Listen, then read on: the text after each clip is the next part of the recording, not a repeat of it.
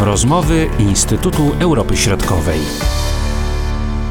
Witamy naszych słuchaczy w rozmowach Instytutu Europy Środkowej. Z tej strony Marcin Superczyński i dr Piotr Oleksy. Witam Cię, Piotrze. Witam serdecznie, dzień dobry. Tym razem spotykamy się, by porozmawiać o sytuacji w Mołdawii. Kilka dni temu mołdawska premier ogłosiła, że jej rząd podaje się do dymisji. Ten rząd działał 18 miesięcy i to były bardzo ciężkie miesiące dla mołdawskiego państwa. Oczywiście jest to związane z wojną, którą toczy Rosja na terytorium państwa ukraińskiego, kłopoty energetyczne, gospodarcze, no i chyba stąd ta dymisja. Czy są jeszcze jakieś inne powody? No, przede wszystkim musimy podkreślić, że to jest dymisja rządu, nie zmienia się natomiast obóz władzy. To jest nadal, na, nadal rządzi ta sama partia, partia, partia działania i solidarności. Nadal liderem tego obozu władzy jest Maja Sandu. Nie zmienia się też kurs w polityce zagranicznej, jeśli chodzi o najważniejsze założenia polityki wewnętrznej, więc to jest jakby zmiana rządu, zmiana osoby premiera przede wszystkim w tej samej, w ramach tej, tej samej ekipy, tego samego obozu. I, I, no właśnie, no przyczyn pewnie było, było wiele. O tej zmianie słyszeliśmy gdzieś od jesieni się mówiło, że ona może nastąpić właśnie w takim kształcie, że,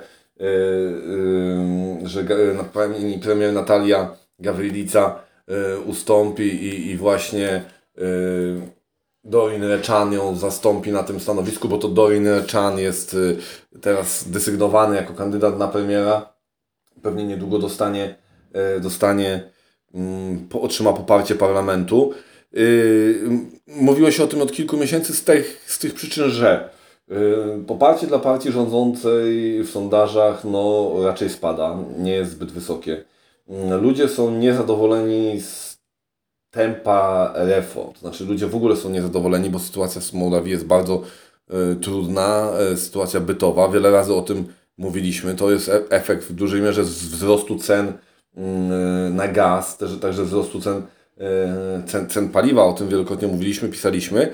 No i to myślę, że gro ludzi też rozumie, że to jest spowodowane wojną ale niezadowoleni też są z tempa reform wymiaru sprawiedliwości, braku sukcesów wyrazistych w walce z korupcją, a w zasadzie w rozliczaniu skandalów korupcyjnych z przeszłości.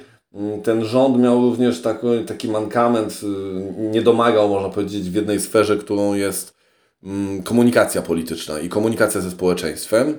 Y, wiele rzeczy, no to, to coś tu nie grało, to, to, to wiele, w tej sferze pozostawało wiele do życzenia. Problemem też w obozie władzy była komunikacja wewnętrzna. To, to jest coś, co od początku rządów PAS yy, o tym wszyscy mówią. To znaczy jest tak, że by, by, bywa tak, że yy, parlamentarzyści nie wiedzą o tym, co robi rząd, rząd nie wie o tym, co robi parlamentarzyści, albo poszczególni ministrowie o tym, co robi ich kolega z innego, szef innego ministerstwa dowiadują się z mediów czy z Twittera.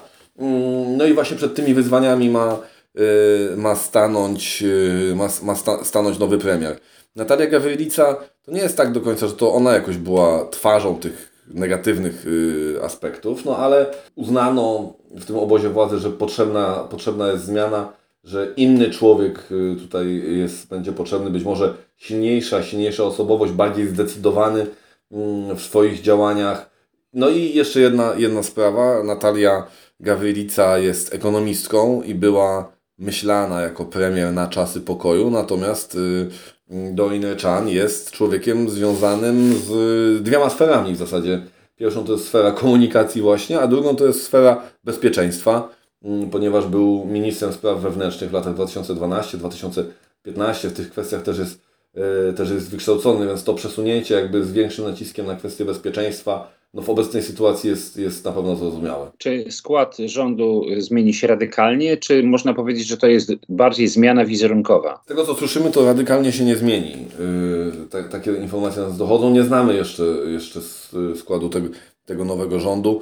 Yy, no, Niku Popesku na przykład, czyli minister spraw zagranicznych, taka jedna z twarzy tego rządu, yy, zostanie raczej na swoim stanowisku. I chyba yy, większość ministrów, duża część ministrów przynajmniej na, na pewno zostanie.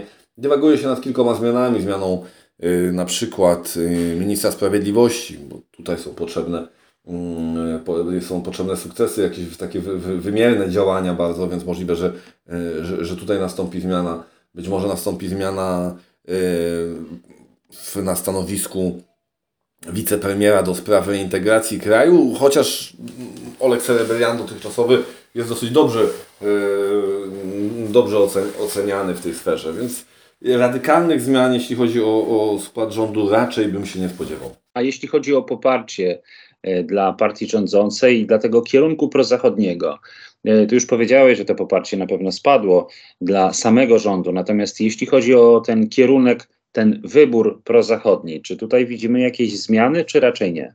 Szczerze mówiąc, nie było do końca takiego badania, e, które byłoby na tyle wiarygodne, żebyśmy mogli to E, istotnie ocenić, e, znaczy tak real, realnie ocenić. Z badaniami, z sondażami w Mołdawii jest taki problem, że to jest kraj dosyć mocno mały, ale dosyć mocno podzielony terytorialnie. Nawet w takim Kiszyniowie powiedzmy, różnice jakby w mm, takich e, wyborach, jeśli o to chodzi, między dzielnicami bywają duże i niektóre instytucje badawcze no, łatwo dają, wpadają w pułapki i, i te wyniki tych badań są czasami odchylone w jedną lub w drugą stronę. Ja czekam na wiosenny barometr opinii publicznej. To jest takie badanie mm, szerokie, które y, chyba nadal jest, od wielu lat jest robione i chyba jest nadal naj, najbardziej y, miarodajne. Y, widzimy co prawda takie niepokojące dla nas powiedzmy sygnały, że, że na przykład no, duża część Mołdawian uważa, że, że Krym jest rosyjski i tyle. Mm, to tam 30 parę procent. Ale, ale nie wydaje mi się, żeby w tej kwestii było to jakieś tąpnięcie czy, czy wahnięcie. Y, raczej ten wybór, że tak powiem, geopolityczny, czy też cywilizacyjny, czy też strategiczny, prozachodni jest dosyć stabilny. Na ile możemy mówić tutaj o obawach mołdawskiego społeczeństwa, mołdawskich elit wobec potencjalnego zagrożenia ze strony Rosji? Jak te opinie, jak te wypowiedzi są oceniane. Obawy są duże i szczerze powiem, tutaj jest dla mnie sytuacja taka dosyć zaskakująca. Mianowicie taka, że yy, w ostatnich dniach słyszeliśmy wiele takich niepokojących komunikatów z ust samych yy, mołdawskich polityków. Yy, no, sama prezydent Maja Sandu powiedziała o tym, że yy, Rosja szykuje próbę zamachu stanu szykuje zamach stanu, stanu w Mołdawii i, i do tego mieli być wykorzystani różni ludzie obywatelstwa serbskiego, obywatel Serbii, obywatel Białorusi, a także Rosji, którzy pod różnym pozorem mieli e, w Mołdawii się znaleźć i, i spróbować zająć rządowe budynki. To, do tego miały być zorganizowane protesty społeczne i taki zamach, próba zamachu stanu miała być um, przeprowadzona. Wcześniej o tych, y, o takiej możliwości, o takich planach rosyjskich informował wywiad ukraiński i sam prezydent Wołodymyr Załęski przekazał tę informację, jak to mówił, Mai Sandu, kiedy e, oboje byli, byli w Brukseli.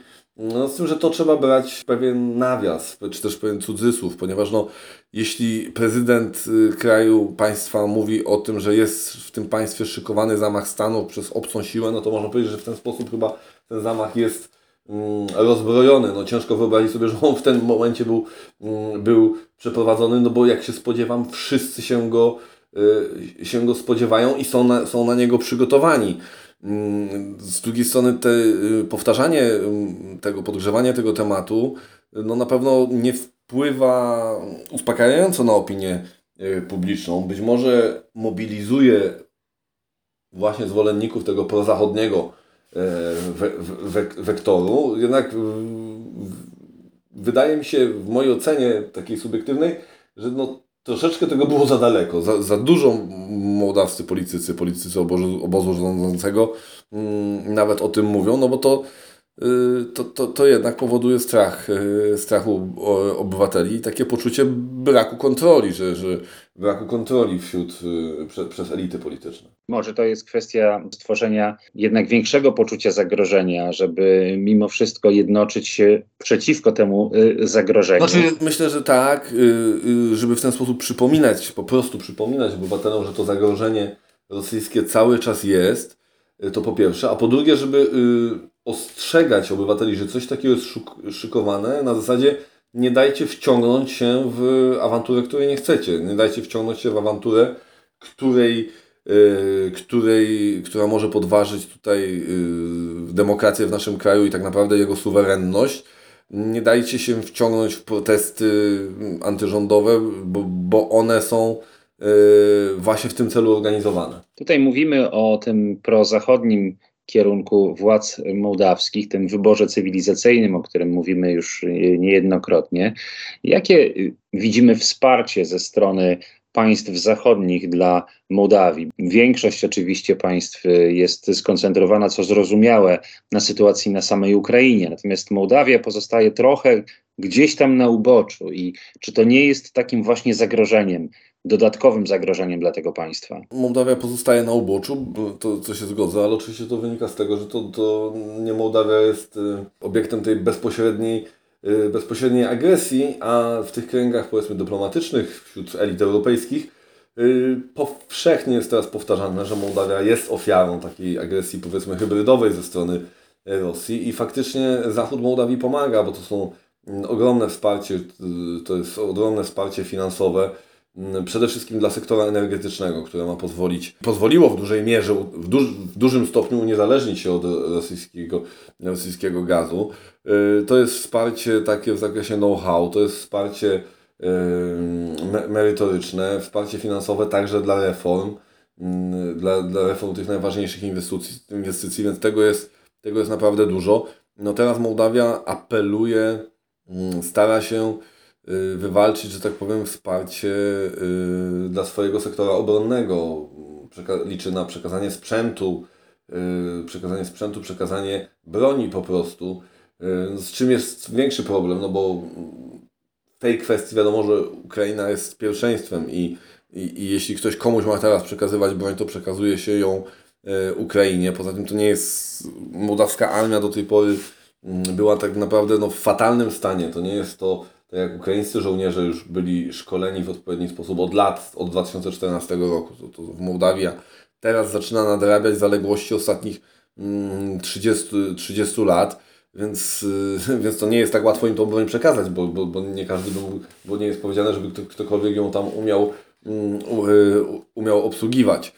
Ale podsumowując to na pewno na wsparcie Zachodu Y, finansowe i polityczne Mołdawia, na brak takiego wsparcia Mołdawia nie może narzekać. Jakich decyzji możemy się spodziewać, jeśli chodzi o politykę wewnętrzną, właśnie ze strony nowego rządu? Będzie się dużo mówiło na pewno o tej reformie wymiaru sprawiedliwości. Tu jest pewien problem, bo wszyscy mówią o konieczności tej reformy, ale jeszcze ja nie słyszałem, żeby ktoś jasno powiedział, na czym ta reforma by miała, miała, miała polegać, bo z wymiarem sprawiedliwości Mołdawii jest ten problem, że na papierze on tam wszystko jest w miarę okej. Okay. Problemem są kadry, trzeba wymienić po prostu ludzi, trzeba wymienić tych ludzi z wymiaru sprawiedliwości, którzy mają doświadczenie funkcjonowania w skorumpowanym systemie i, i którzy na tak, taką korupcję są podatną. No i teraz jest problem, jak ich wymienić zgodnie z literą, też tak powiem, zgodnie z literą prawa mm, i jak stworzyć ramy reformy, żeby można było tego zrobić, ale, ale żeby to były ramy no, akceptowalne przez, przez y,